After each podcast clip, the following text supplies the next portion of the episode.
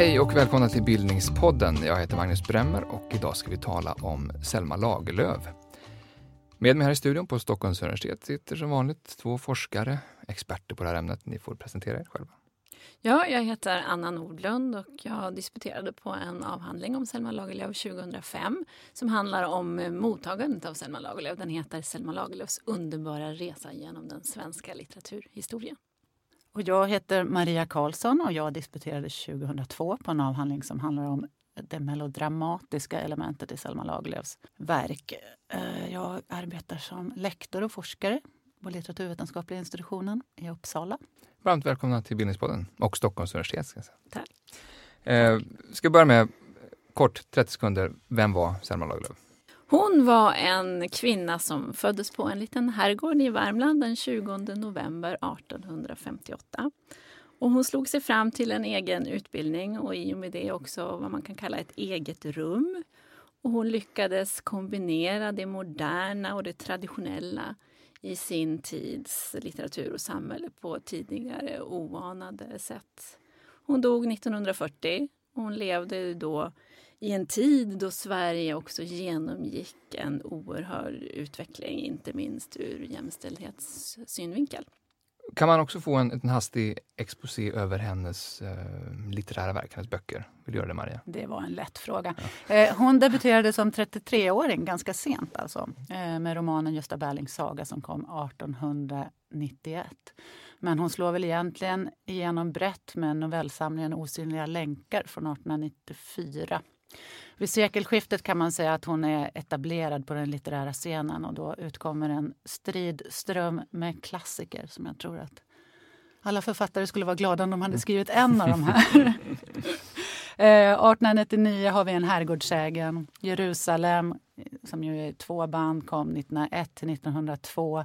Herr Arnes penningar 1903 och sen har vi det jättestora skolboksprojektet Nils Holgersson 1967. Hon får ju Nobelpriset 1909 och efter det så utmärker sig Körkaren 1912, Kejsarna av Portugalien 1914, hennes fredsroman Bannlys 1918 och sen under 20-talet så har vi Löwenskiölds-trilogin och den självbiografiska Mårbacka-sviten.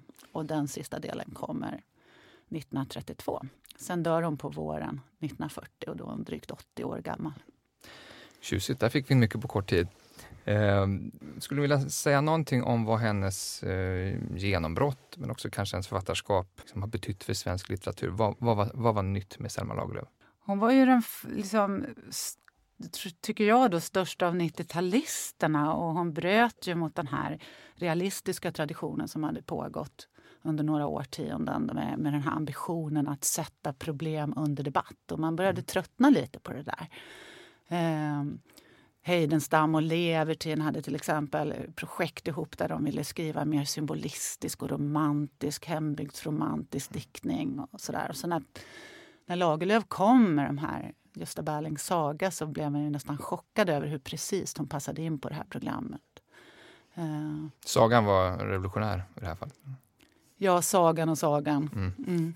Och sen passade ju den här sagoförtäljerskan den berättarbild hon bygger upp av sig själv i Gösta Berlings saga passade ju tiden väldigt väl på det sättet också. Att den appellerade till den föreställning man hade om att kvinnliga författare inte skapade medveten utan byggde, alltså omskapade sånt som de hade med sig. Och det hade då tidigare varit egna erfarenheter och, av förtryck i konstnärskap och i samliv och i yrkesliv och sådär. Och det började man nu betrakta som att det var tendensiösa beskrivningar och allt för realistiska och det var ointressant och man ville ha det. Och det, symbolismen blev som en markering mot den här typen av realism. Och då kommer då Selma Lagerlöf och skriver precis i den här andan. Men samtidigt så kan man också liksom förklara hennes skrivande på liknande sätt med att det är någonting som hon plockar upp från sin barndom och sin uppväxt och gör någonting av. Det är inte någonting riktigt originellt, någonting mm. riktigt skapande i det här. Så bilden av sagoförställerskan är både något som bidrog till, bidrog till genombrottet men också som blev begränsande för, för hennes Ja, det kan man ju absolut säga. Vi ska återkomma till det. Men, eh, men först, vilken var den första bok ni själva läst? För mig var det nog Mårbacka-böckerna, hennes självbiografiska böcker som hon mm. skrev då ganska sent i livet. Och jag var väl kanske sådär 14-15 år och var ju väldigt inläst i den här flickbokstraditionen och tyckte mycket om flickböcker. Så det var ju det som blev min ingång kan jag säga. Till, för det såg liksom ut som att det här också var flickböcker. Fast och det inte var det. På ytan så är det ju det. Det, är, de, det har ju mycket paralleller med såna klassiska flickböcker med det här herrgårdslivet och en ung deras liv där. Men sen blev ju jag totalt fascinerad också av att det var någon, en, en, helt annorlunda skildring av en flickas psyke och en flickas reflektioner. Och också den här brytningen som finns mellan det enkla och samtidigt liksom ironiseringarna och så kring, kring det här. Och mm. det, de skarpa blicken på också det förtryck som hon lever mitt i och på något sätt accepterar men samtidigt ironiserar över på ett väldigt spännande sätt i de här böckerna. Jag var en duktig 13-åring som kunde allt om ironi på den tiden. ja, lite efterhandskonstruktion också för jag, de här böckerna har ju följt mig genom livet får jag ju säga. Avancerad Är det svårt att, att särskilja den första liksom, fascinationen och läslusten och impulsen med, med, med vad som kom sen? Eller har den följt med? Liksom? Den har definitivt följt med. Alltså, det, När du har forskat på det här? Ja, oh ja det, jag, äl, jag älskar verkligen Selma Lagerlöfs mm. författarskap och det är inte någonting som forskningen om henne har dödat. Så. Mm. Är det samma för dig, Maria? Ja, det är det väl. Eh, jag är ju framförallt väldigt förtjust i Gösta Berlings saga. Mm. Alltså, jag har alltid varit en dålig forskare på Gösta Berlings saga för att jag förglömmer mig hela tiden i, i, i den romanen. När Anna och jag skulle göra ord och sakförklaringarna så var det jag som skulle leta upp alla till ord. En, en till en utgåva. vetenskaplig utgåva mm. som ligger på nätet nu faktiskt. Eh, så, så fick jag hela tiden göra om det för att jag slarvade iväg flera sidor i taget när jag glömde att leta efter de här orden som skulle förklara. Du, bara, du satt och njutningsläste? Ja, jag, jag hamnar alltid i det med mm. den romanen. Mm. Mm. Så det var den första du läste också? Nej, jag var en sån där unge som eh, blev lärd att läsa väldigt ung så att min pappa satte den i händerna på mig som sju, åttaåring och jag tyckte att det var det tråkigaste jag någonsin hade läst. För det var så mycket miljöskildring. Nils Holgersson. ja, det var så urtråkigt. Men sen i 20-årsåldern läste jag Gösta Berlings saga och blev fast på det. Mm. Eh, ska vi säga något också vilken den vanligaste missuppfattningen om Selma Lagerlöf är? Jag skulle säga hennes enkelhet. Att hon mm. är en sån enkel författare och lättillgänglig Det är den här sagoförtällerska bilden Ja, och, att, och, och, inte bara att författarskapet är enkelt utan det finns ju en föreställning om att hon var väldigt som enkel som människa. Vilket hon säkert på ett plan var. Jag tror att hon var psykologiskt eh, ganska ändå harmonisk och så men eh, hon var ju inte på alla sätt enkel. Det mm. var hon inte. Ja, jag tror att eh, den vanligaste missuppfattningen är att hon skrev intuitivt och direkt. Mm. Jag har ju suttit mm. i KBs arkiv och gått igenom ungefär 15 000 manuskriptsidor. Jag ser ju att hon skrev om och hon skrev om och hon skrev om och dessutom så konsulterade hon vän, väninnor som fick läsa delar av det. Och när Valborg Olander kom in i hennes liv så renskrev ju hon jättestora delar av hela det här författarskapet också. Så det var ju en enorm process. Det finns en bok av Petra Söderlund på Svenska Vitterhetssamfundet som heter Selma Lagerlöf och Company. Mm. Och det kan nog stämma rätt väl faktiskt att det var de var flera kring de här böckerna verkligen. Mm. Intressant. Vi ska nysta mer i, i eh, hennes berättande och uh, i litteraturen och så. Men uh, lite mer om hennes bakgrund. Hon föds på Mårbacka 1858. Uh, vad vet vi om hennes barndom? Alltså det mesta man vet om hennes barndom det är ju sånt som Selma Lagerlöf har berättat själv i den här självbiografisviten som Anna nämnde och i intervjuer och sådär. Mm. Finns det anledning att, att tvivla på det då menar du? Ja, det är väl klart att det gör när en författare ser tillbaka på sitt liv så kanske mm. vissa saker får lite större betydelse och andra. En del saker är ju legendartade som faster Nanas berättelser och, och, att hon skulle ha hämtat mycket av sitt stoff därifrån och sådär. Mm.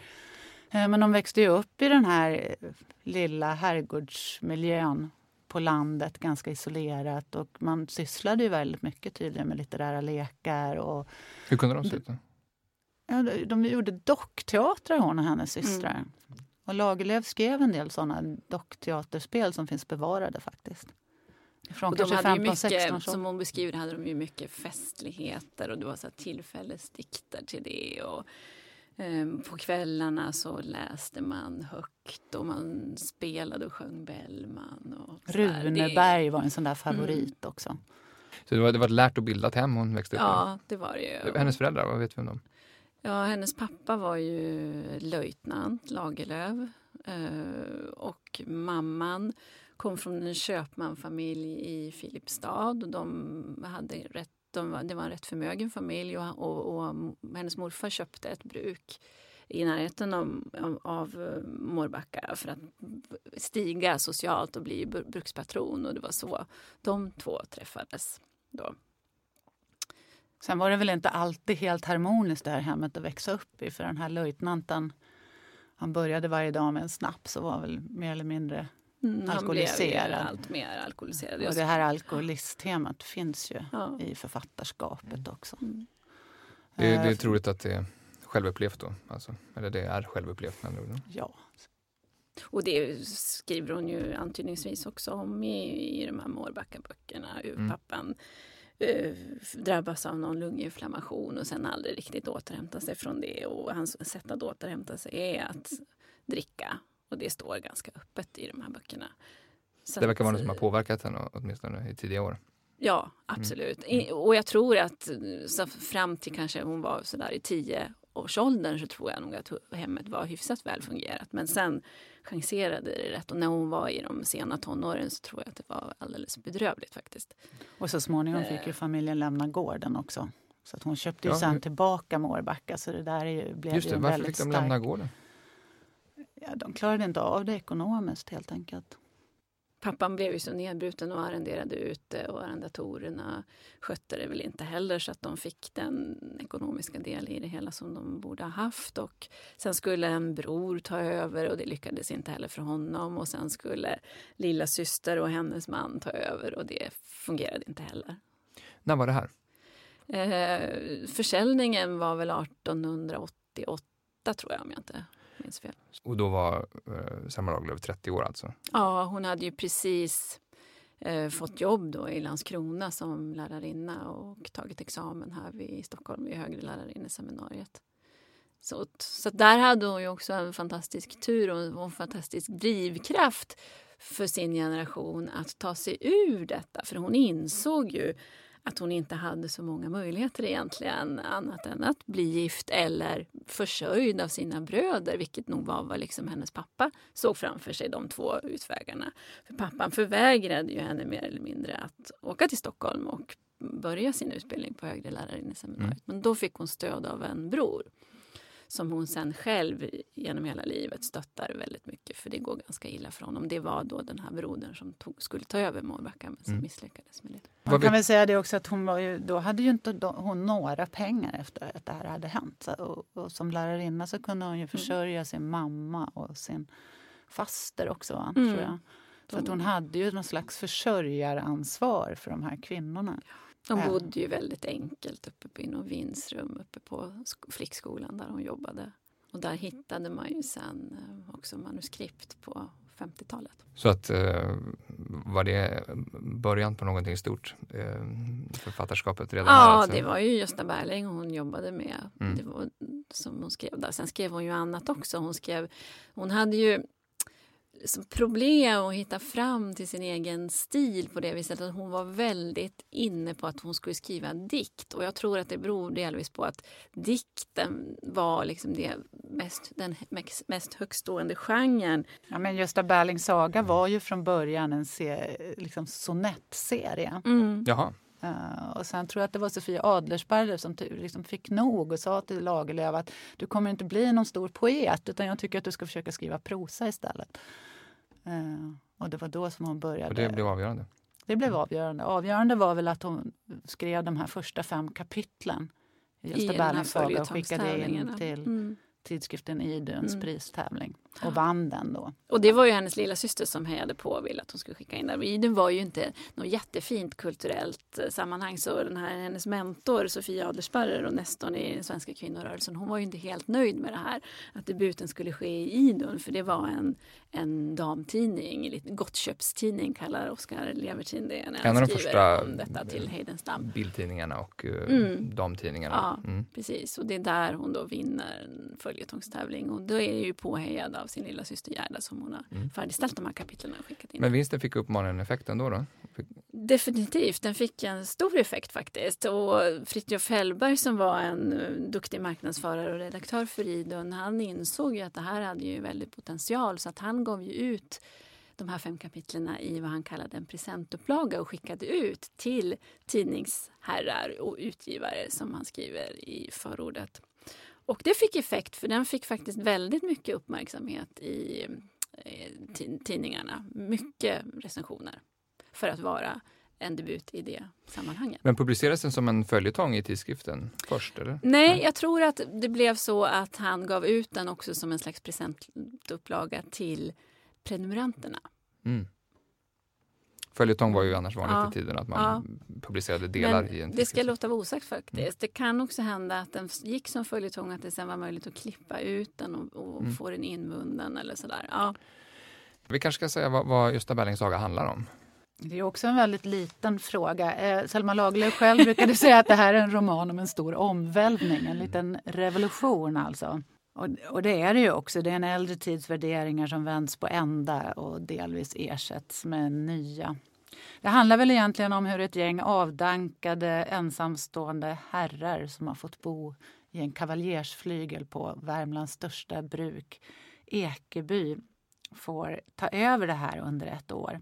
De leds av den här undersköne, försupne prästen Gösta Berling. Han bor ju också i den här flygen. Han ingår en pakt med djävulen. Och den här pakten den innebär, innebär att kavaljerna ska få härska över Ekeby under det här året. Då. Och villkoret är att de inte får göra någonting nyttigt på hela året.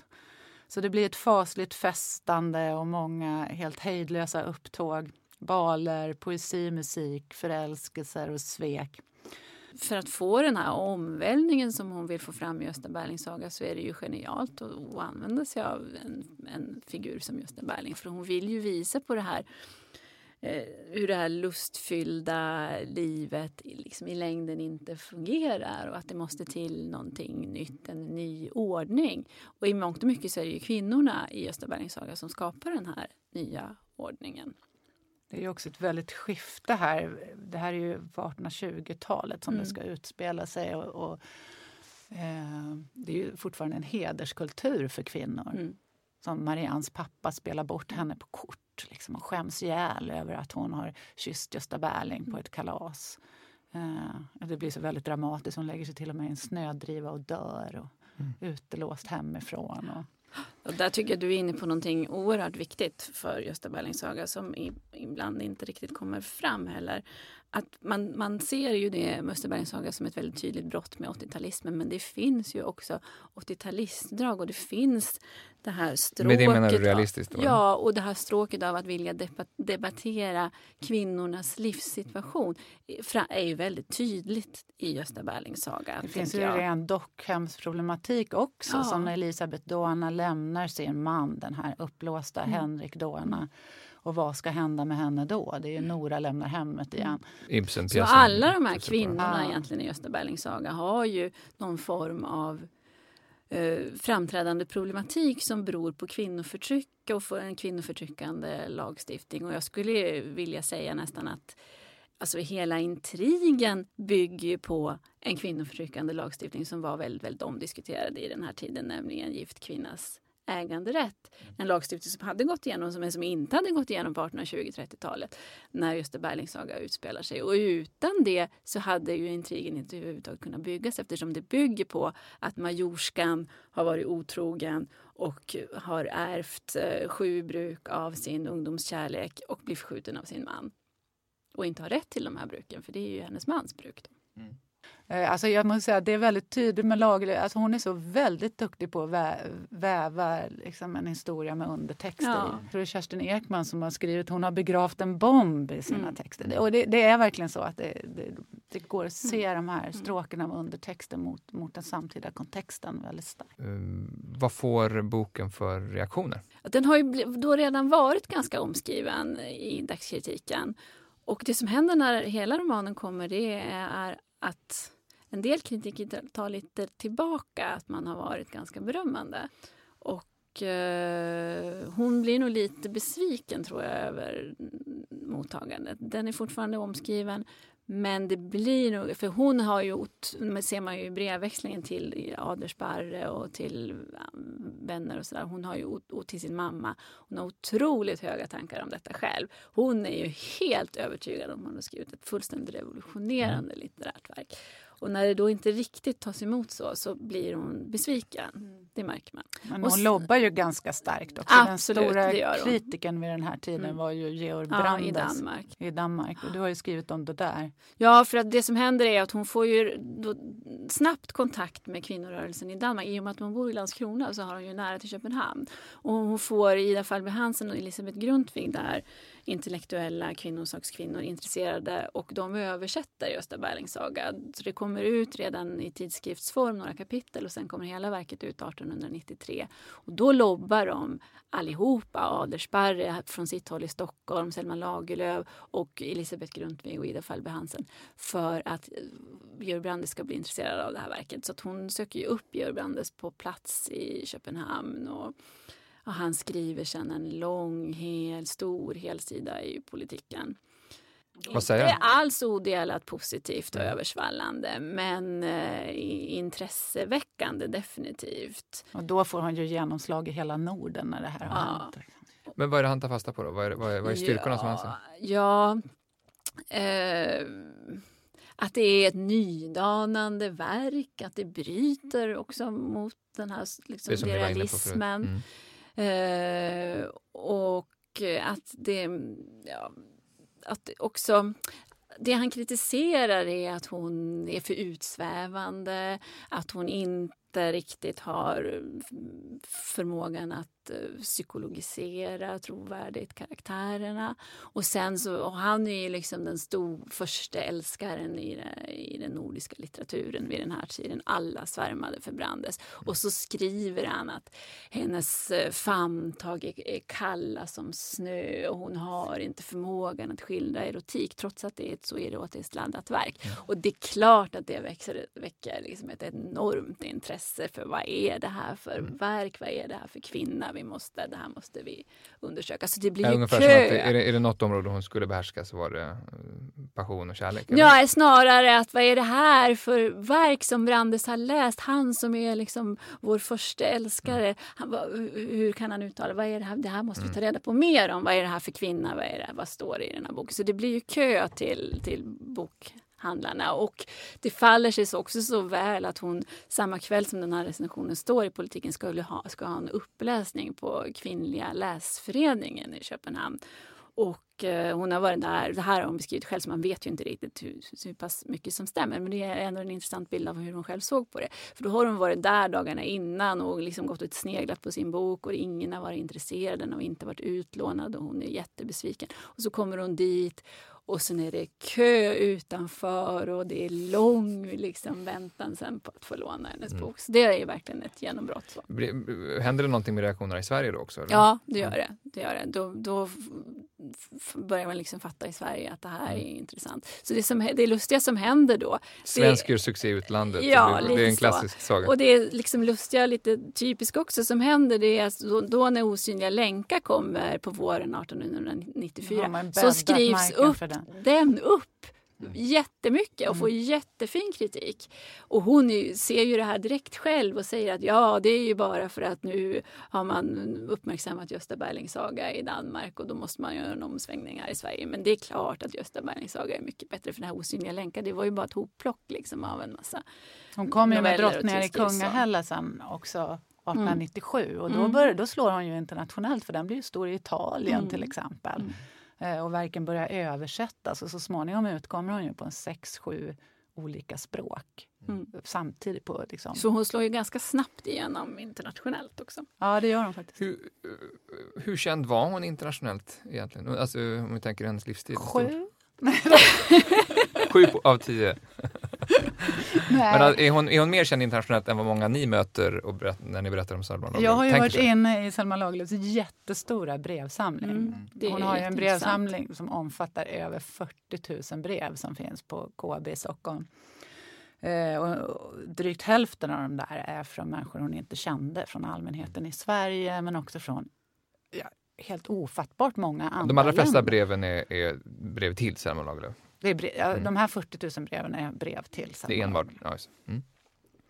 Eh, och, och man blir ju förbluffad när man ser hur känd hon är världen över. Det liksom haglar in brev från människor som vill översätta hennes verk till exempel.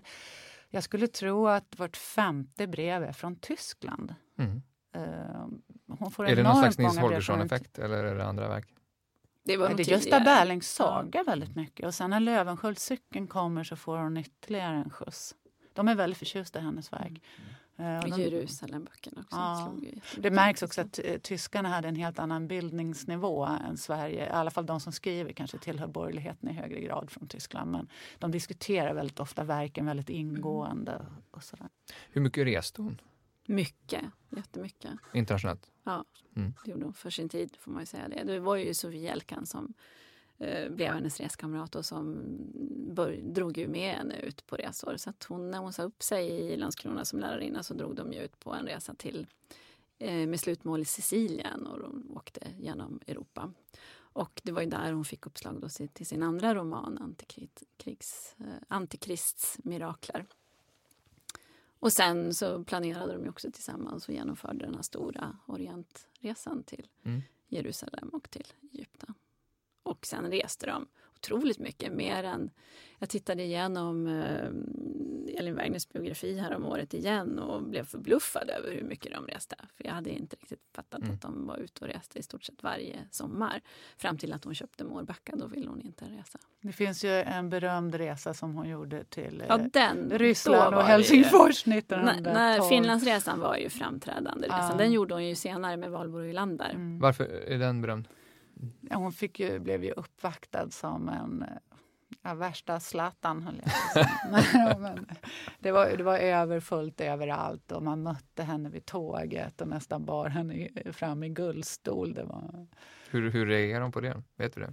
jag tyckte nog att hon fick vad hon förtjänade, tror jag. Ska vi bara säga något mer om, alltså vi har pratat om Gösta Berlings saga, vad, vad, finns det, hur mycket av det man känner som Selma Lagerlöfs eh, stil och, och sätt att berätta kanske fin, finns redan i den, i den boken? Väldigt mycket naturligtvis. Men man ska ju komma ihåg att Gösta Berlings saga är nog det mest poetiska verket. De flesta läser en utgåva som är tryckt efter 1933 års samlade verk. Vad har hänt då? Då hade Selma Lagerlöf mot Bonniers vilja eh, moderniserat språket och tagit bort väldigt mycket av det poetiska. Kan du exemplifiera någonting? Um, Alltså, så här, alltså, den var ju skriven med en, en väldigt poetisk rytm och alla de här exklamationerna och sådär. Och, eh, allt det där finns ju i 1891 års utgåva. mm, men det Så. tog hon bort, alltså. mycket av det. Ja, mycket av det tog hon bort. Mm. Mm. Den har ju kommit i jättemånga upplagor och några av dem där ändrade hon ju i. Mm. Och det är framförallt 33 års upplaga som har kommit i nytryck. Då. Så det är den, det är den vi läser? idag. Ja. Hon var ju väldigt mån om att skriva modern svenska. Mm. Eh, Jag tror att den enda romanen som hon frångår det, det är Körkaren för där ville hon att språket skulle låta äldre med tanke på att det, det fanns den här diskursen med Frälsningsarmén och den Mm. var så teatral hela romanen så då gjorde hon det Det avsiktligt. passar innehållet då.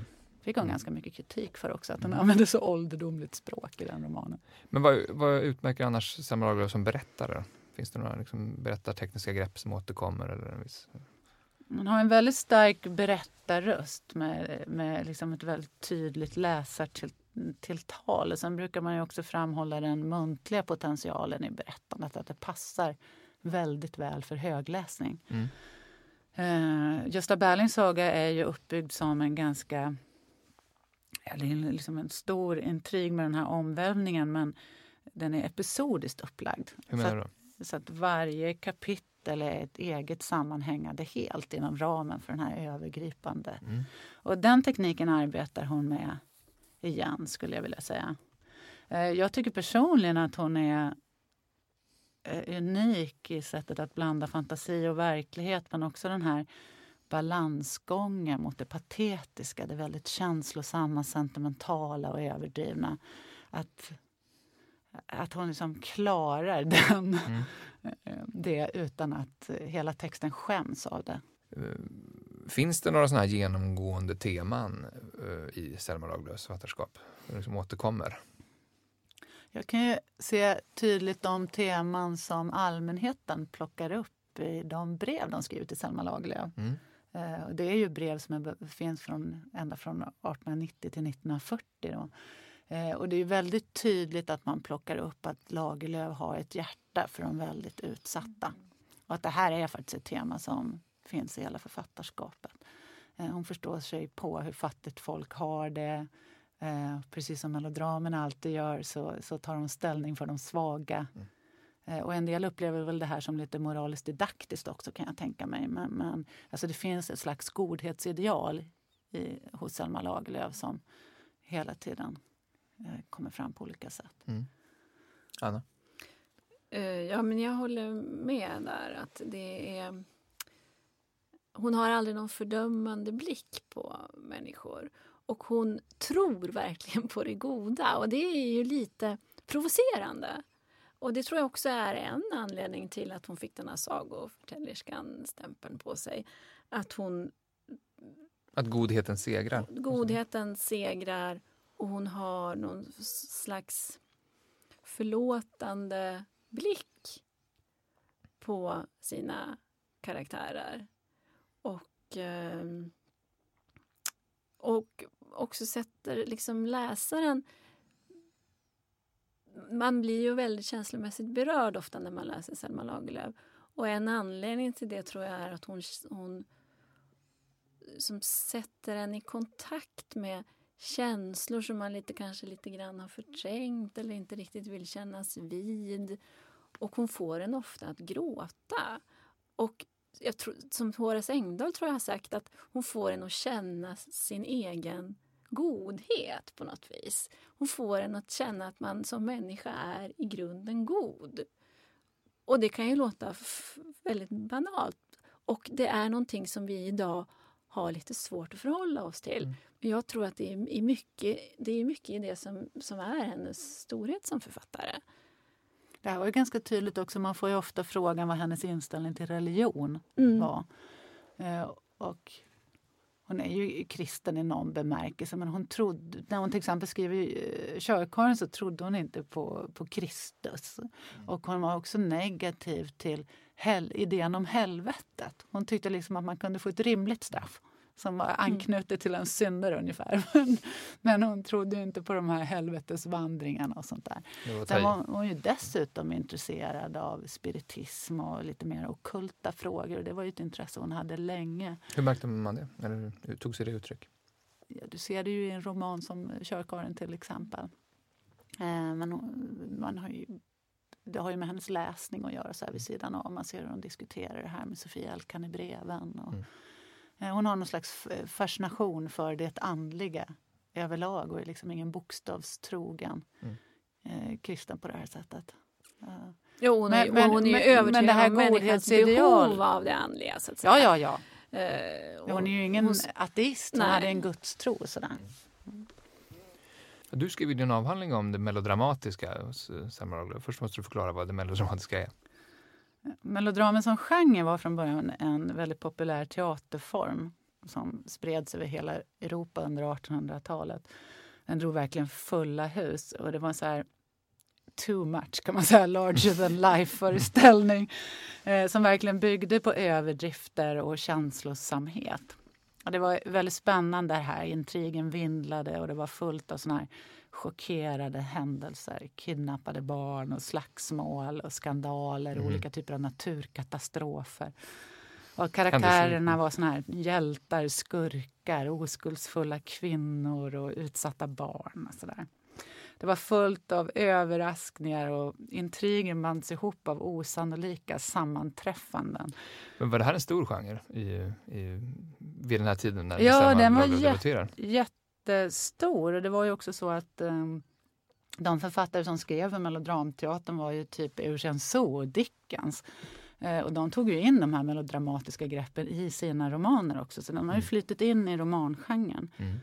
Eh, och det finns ju forskare som har visat hur den realistiska romanen i själva verket är full av liksom, melodramatiska grepp och sådär, mm. hos Balzac till exempel. Mm. Um, själva teatern var ju också ackompanjerad av musik. Och om man tänker ett led till så ser man att stumfilmen är melodramteatern kan man säga. Mm. Med yviga gester och överspel. Och... Många av Selma Lagerlöfs böcker blev ju stumfilmer. Absolut. Stora stumfilmer. Typ. Mm. Mm. Körkarlen är ju världsberömd. Mm. Mm. Gösta Berlings saga, tidig roll för Greta Garbo. Så. Ja, och det mm. var ju Greta Garbos internationella genombrott mm. i Gösta Berlings saga. Men så att, är, det, är det det melodramatiska som är, är gemensamma nämnaren där? Eller? Mellan stum, ja, det tror jag, för det är ju väldigt filmiskt. Det passar, passade ju väldigt mm. bra på de här, den här stumfilmsformen. Hon skriver också sceniskt. Mm. Att, liksom visuellt, eller? Ja, visuellt. Hon beskriver scenen väl. och, och uh, Körkaren passade ju jättebra med sin långa dödsbäddscen som liksom fick inrama allt. Om man tittar på körkaren och, tittar och jämför med Viktor Sjöströms manuskript så ser man Körkaren kommer 1912. Ja, mm. så ser man ju också att Sjöström var otroligt influerad av boken och mer eller mindre kalkerar scenerna från boken därför att det är precis som Maria säger att det, den och flera av hennes andra romaner är otroligt filmiskt beskrivna.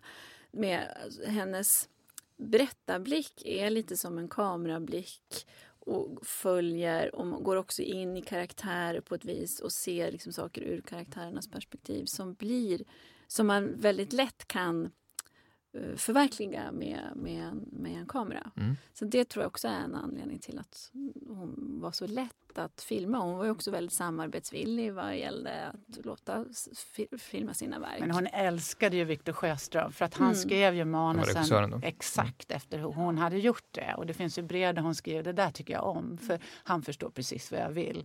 Jo, Däremot tyckte hon ju inte om Maurits Stiller och hon avskydde den här Gösta Berling-filmen. Mm. Hon ville helst inte sätta sitt namn på den. Därför att där hade man samlat alla de mest melodramatiska elementen så att hon tyckte att det blev nästan farsartat tror jag. Um. Så hon var, var hon ambivalent inställd till det melodramatiska? Eller balanserade det som du sa tidigare? Eller? Ja, den filmen balanserade verkligen. Ja, och så ansåg hon att Maurits Tille i alldeles för hög grad diktade om och gjorde någonting annat. Gjorde något eget av det. det för hon menar att skulle hon uppre, upp, låta sina verk till filmatiseringar så ville hon att det skulle vara hennes verk. Hon skriver ett långt eh, jätteintressant brev till Stille där hon diskuterar det här och säger att eh, jag, jag, kan visst se att filmkonsten kan vilja, vilja stå på egna ben och sådär. Eh, för det var ju det Stille jobbade för. Men då får man också använda ett eget ursprungsmaterial. Då vill inte, på de villkoren vill inte jag vara med med mina verk. Låter som en spännande tidig mm. filmhistorisk mm. Jo, det var det mm. ju mycket. Och det var ju också så att man ville höja filmens status. Och där blev ju också Selma Lagerlöf perfekt. Ja, man lånade litterär status ja, i den nya genren. absolut. Så var det. Lagerlöf var ju så här otroligt tidigt ute där. Hon sålde ju alla sina rättigheter till filmen. Hon tyckte det här var ett jättespännande mm. medium. Mm. Så man kan säga att den svenska filmens guldålder, det var Victor Sjöström, Maurits Stiller, filmaren Julius Jansson, mm. Selma Lagerlöf och Greta Garbo. Mm. Det, det, är de mest kända svenska personerna med den tiden i stort sett. Ja. Några av dem. Mm. Och Körkarin är ju faktiskt mest känd idag tror jag på grund av sin filmiska teknik. Där Julius Jansson, den här fantastiska filmaren, för första gången lyckades genomföra en dubbelexponering som fick publiken att fullkomligt nästan svimma av skräck. Mm. Mm. Men mellan de åren, debut 1891 och Körkarlen 1912, vad, vad har liksom hänt i Selma Lagerlöfs liv och eh, hennes kanske ställning som författare? Så? Ja, men hon är ju då en fullständig dominant på den litterära scenen när det gäller försäljningssiffror och att vara läst precis överallt. Jag skulle tro att hade man läst ett enda litterärt verk i hela sitt liv så var det någonting av Selma Lagerlöf. Hon lästes ju i föreningar och folkrörelsen väldigt tidigt. Hon lästes eh, av hög och låg. Hon, hon cirkulerade i alla kretslopp med billighetsutgåvor och finare presentupplagor. Eh, hon skrev ju mycket noveller också som man kunde läsa i tidningen, grejer hon hade skrivit. Eh, och sen är hon ju också en gestalt som syns i veckopressen hela tiden. Alla vet vem hon är. Och vi ser ju det i de här läsarbreven från allmänheten till Selma Lagerlöf. Eh, hur man har en uppfattning om henne som är någon slags blandning av eh, litteraturen, rykten där man bor, vad man har lärt sig i skolan, eh, mediebilden. Mm. Eh, så att man har en, en uppfattning om vem den biografiska Selma Lagerlöf är som är byggt på en mängd olika mediala Mm, det där är ju väldigt intressant. Så, så hon är, hon är liksom högaktuell författare, hon är redan institution i stort sett och superkändis på samma gång. Ja, superkändis. Ja, 1912 är hon ju verkligen en superkändis. Hon har gett ut Nils Holgerssons underbara resa. Som var, vilket år? Eh, den kom ju 1906-1907 och var ju den första i det här läseboksprojektet där sen Heidenstam, svenskarna och deras hövdingar och Sven Edins från Pop till Pool också kom. Och det var ju hon som initierade hela det här projektet och Nils Holgersson blev ju definitivt den mest framgångsrika boken i det projektet. Det var ju också den bok som gjorde henne väldigt känd utomlands. Och sen har hon fyllt 50 och blivit storslaget hyllad på sin 50-årsdag. Hon har fått Nobelpriset så hon är ju verkligen... Men hon är ju också lite så här, eh, det är lite, lite en ambivalent situation vid Kökaren för att efter Nobelpriset så blev Det var 1909 då? 1909 mm. så kommer hon ut med en roman som heter Liljekronas hem. Den var egentligen psykologiskt ganska nydanande men jag tror att hon hade lite skrivkramp för hon gick tillbaka till sagoformen väldigt starkt eh, och fick rätt mycket kritik för den där boken. Och inte minst så hade man ju börjat kritisera 90-talismen för att inte ta sig an eh, samtidsfrågor och samhällsproblem längre. Mm. Och man började tröttna på det helt enkelt. Mm. Eh, så då kände sig Lagerlöf motiverad att ta itu med mer verklighetsanknutna problem. Och då kommer körkaren som ju handlar om tuberkulos och alkoholism och, och livet i slummen. Helt ja, den börjar till och med eh, som en direkt beställning från ett eh, tuberkulosförbund. Ja, det där är väl lite tveksamt om det var så. Men Selma Lagerlöf var engagerad i att bilda den här föreningen för tuberkulos som fanns då. Därför att hennes syster Anna hade haft tuberkulos. Eh, så hon var intresserad av frågan och stöttade dem. Och någonstans där fick hon en förfrågan. Men hon hade också förfrågningar från nykterhetsrörelsen som hon var engagerad i på olika sätt. Och, eh, dessutom hade hon jobbat mycket i Landskronas slum under sin tid som mm. lärare där. Så det var, ju det var flera impulser kan man säga. Och förfrågningar på helt andra texter ska vi säga också. Det var inte, det var inte romaner som efterfrågades av de här förbunden. Nej, inte direkt. De ville ofta att hon skulle skriva noveller till sina, sina tidskrifter. Mm. Eh, men Tuberkulosföreningen blev ju lite besviken på körkaren därför att Lagerlöf skulle aldrig underordna sig eh, ett liksom, budskap på det sättet utan hon använde ju tuberkulosen ganska estetiserande. Liksom, den är ju den här sjukdomen där man får plötsligt uppflammande feber och röda rosor på kinderna. Mm. Så man kan estetisera den här ganska mycket. Susanne Sontag har ju skrivit om, om tuberkulos och litteratur. kulturteoretiker, ska kalla den, sist. Ja, ja, en väldigt känd kulturteoretiker. Och hon har tagit upp körkaren just för den här tuberkulosskildringen. Men det stämde ju liksom inte riktigt med hur tuberkulosens förlopp. Och, och det handlade ju ganska lite om själva sjukdomen i själva verket. Och så Sånt jämför tuberkulos och cancer? Eller? Mm. Är, är, är det här en uppenbart mer eh, samtidskommenterande eh, roman än vad eh, de tidigare hade varit då, som mer i undertext kommenterar samtiden? Eller kan man säga så? På sätt och vis, eftersom hon tar upp de här ämnena på ett tydligt sätt, så är den ju det. Det är ju en tid när man vill städa ur smitta och få bort alkoholismen och sådär. Så på det sättet är den ju tydligt samtidsanknuten. Men hon kan ju inte låta bli att göra en väldigt spännande spökhistoria av det här mm. samtidigt. Och det handlar ju väldigt mycket om erotik och passion och såna mm. här saker också. Den här slumsystern som ligger och dör är ju kär i den här vilda, muskulösa, läskiga alkoholisten. Mm. Eh, trots att han är gift och såna där saker. Så att det, det, det ligger ju någon slags nästan ja, dödserotik i Mm. den här romanen. Men du var inne på att hon ändå kände att liksom, eh, det var en annan, eh, opinionen hade svängt när det gällde eh, realism kontra, eh, det är ändå någonting som hon försöker anpassa sig till, eller? Ja, det försökte hon och i brev så ser man att hon diskuterar att nu håller jag på här med en roman som, som kommer få kritiken att ändra sig. Men den här är samhällsanknuten och behandlar verkliga problem. Eh, Men hon fick ju rätt mycket kritik. Man läste det här ändå som någonting i sagotraditionen. Det var väldigt svårt för Eh, kritikerna. och kritiserade det ålderdomliga språket det. som hon i Mm. själva verket ju hade använt för att det skulle bli mer autentiskt. Och, ehm, så att man, man började väl känna sig kanske lite trött på Selma Lagerlöf. Det, det är ju mediedramaturgi också, att Mm. det vänder det om man blir för framgångsrik. För, ja, för 1909 får hon då Nobelpriset eh, som första kvinna. Eh, I litteratur, ja. Ja, just det. Mm. Eh, Var det ett självklart val? Både ja och nej. Hon, hon hade ju varit föreslagen i flera år. Eh, redan när andra delen av Jerusalem kom ut 1902 så började man skriva i recensionerna att hon borde förtjäna ett Nobelpris. Och då hade ju Nobelprisen börjat delas ut 1901. Och de första nomineringarna tror jag kommer 1904 och sen kommer det nomineringar år efter år efter år. Och 1908 så går det ju väldigt mycket rykten att hon ska få det och då har ju precis också firat sin 50-årsdag. Men då av olika anledningar och kontroverser i Nobelkommittén så Ja. blir det en helt okänd filosof från Jena som får Nobelpriset det året. Hur, hur socialt och politiskt engagerad var hon? Eh, Utanför skrivandet nu kan vi säga. Mm, hon var ju väldigt engagerad i eh, Landsföreningen för kvinnans politiska rösträtt. Eh, och hon bodde ju i Falun vid den här tiden och där träffade hon Valborg Olander som blev hennes livskamrat. Och Valborg Olander var ju ordförande och den som såg till att, det bildades en Faluavdelning av Landsföreningen för kvinnans politiska rösträtt. Och i och med det så går ju Selma Lagerlöf också med. Så det är Selma Lagerlöf som skriver den avdelningens rösträttspetition till riksdagen när alla avdelningar samlar in petitioner för man vill försöka få igenom rösträtten redan 1909 men det lyckades man ju inte med Mm. då. Och sen är det ju en stor internationell rösträttskongress i Stockholm 1911 och där håller ju Selma Lagerlöf huvudtalet kan man säga, Hem och stat.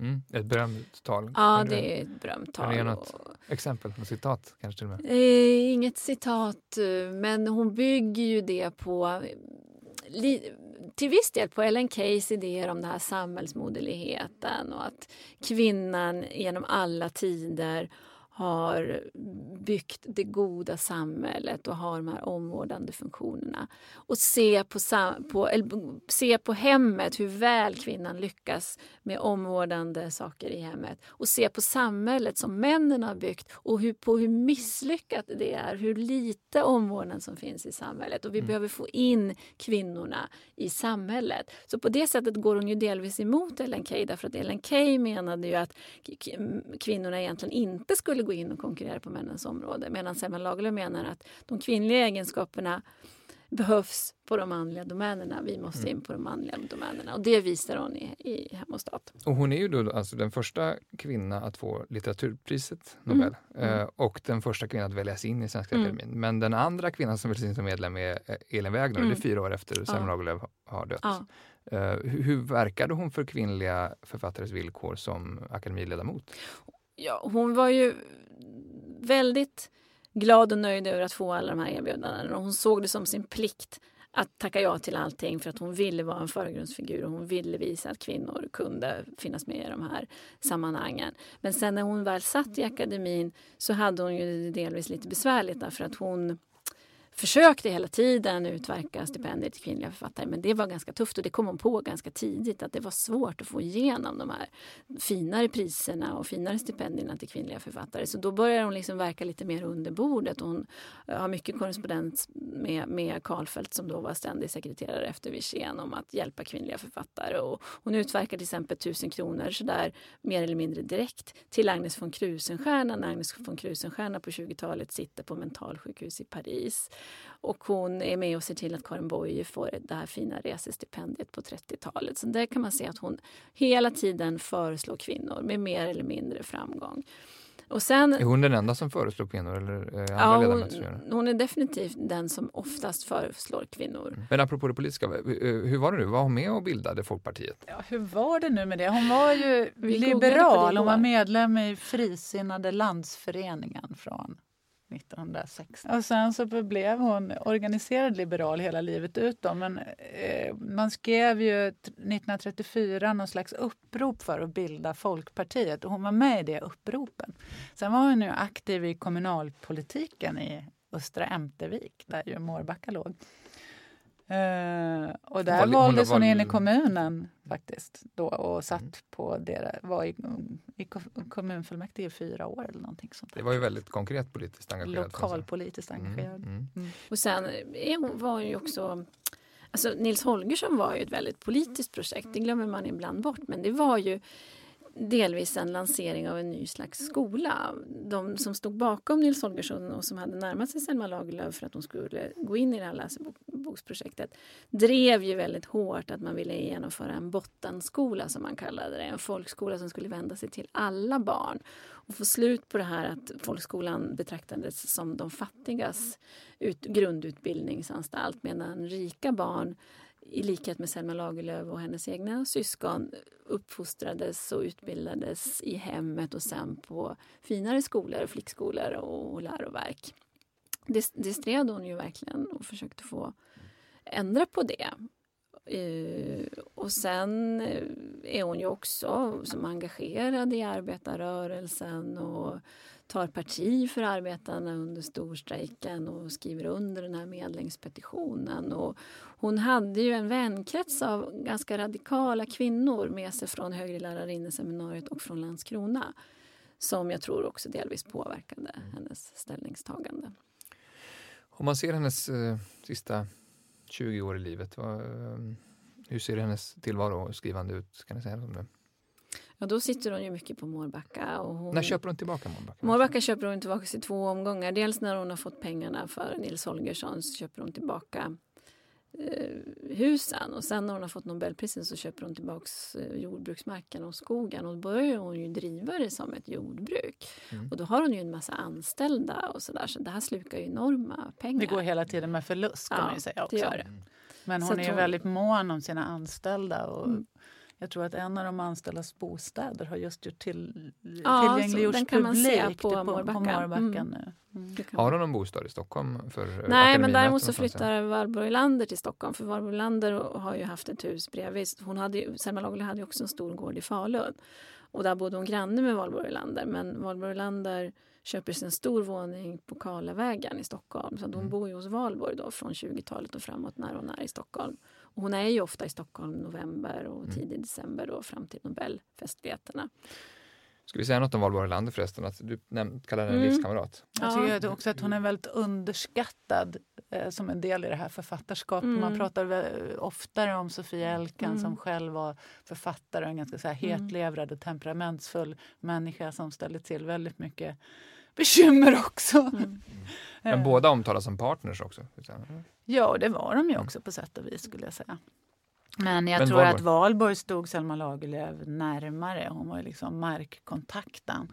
Eh, och hon var ju också den som hjälpte Selma Lagerlöf att, att föra igenom den här moderna svenskan och var inne Mm. väldigt konkret och renskrev verken. Och, eh, alla de här breven Lagerlöf fick var det ju ofta Valborg Lander som besvarade. Hon Mm. fungerade ju som en sekreterare åt Mm. Selma Lagerlöf mer eller Mm. mindre. Så jag skulle tro att hon var helt oumbärlig i det här författarskapet.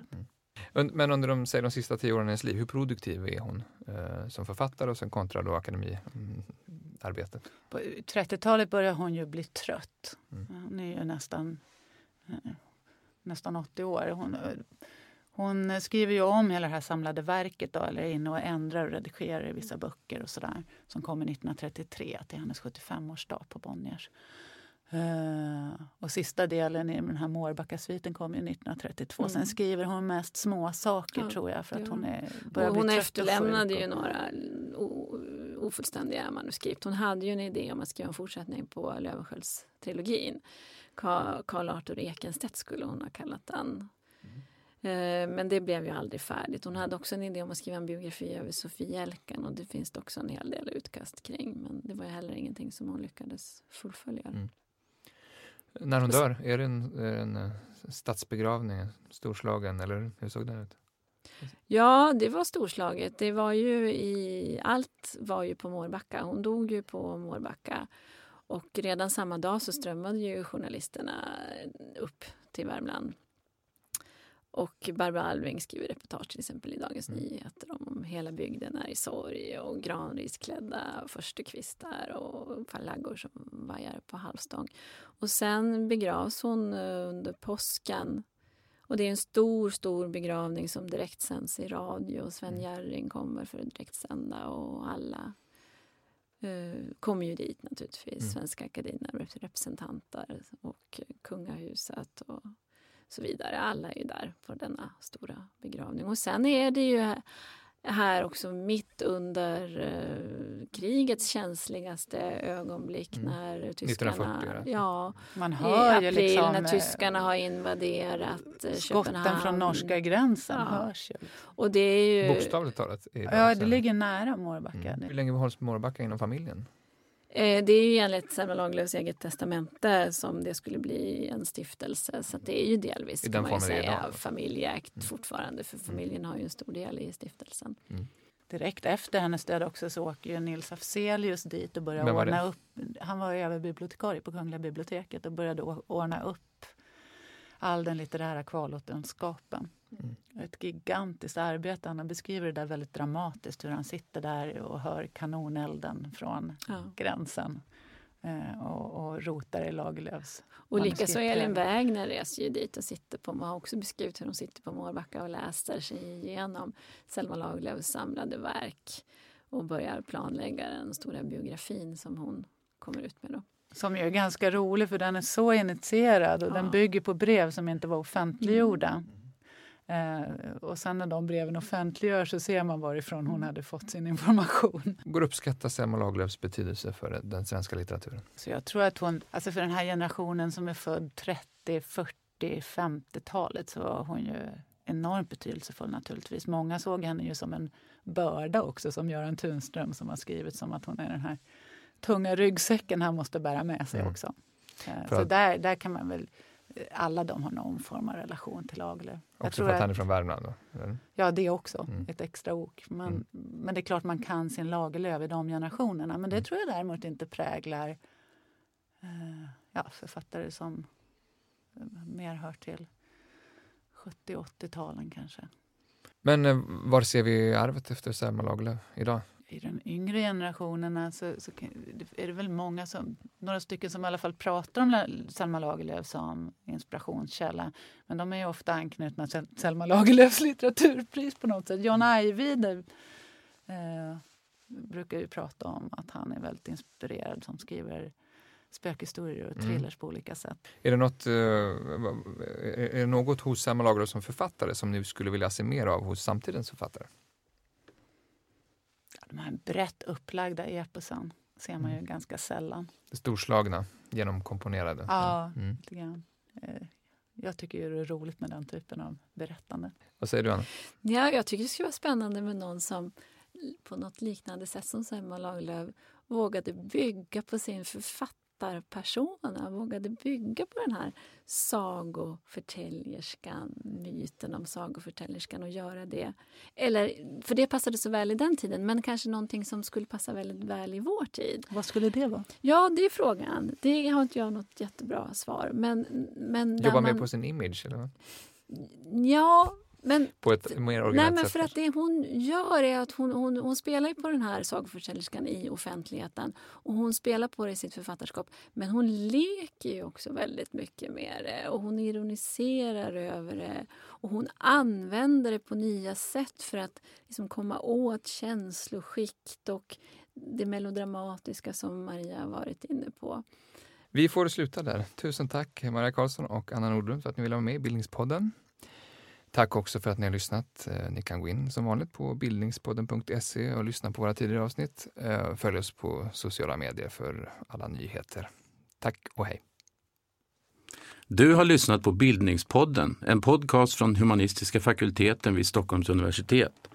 Producerad av Magnus Bremmer och Claes Ekman. Podden spelas in på Språkstudion och tekniker är Henrik Nordgren.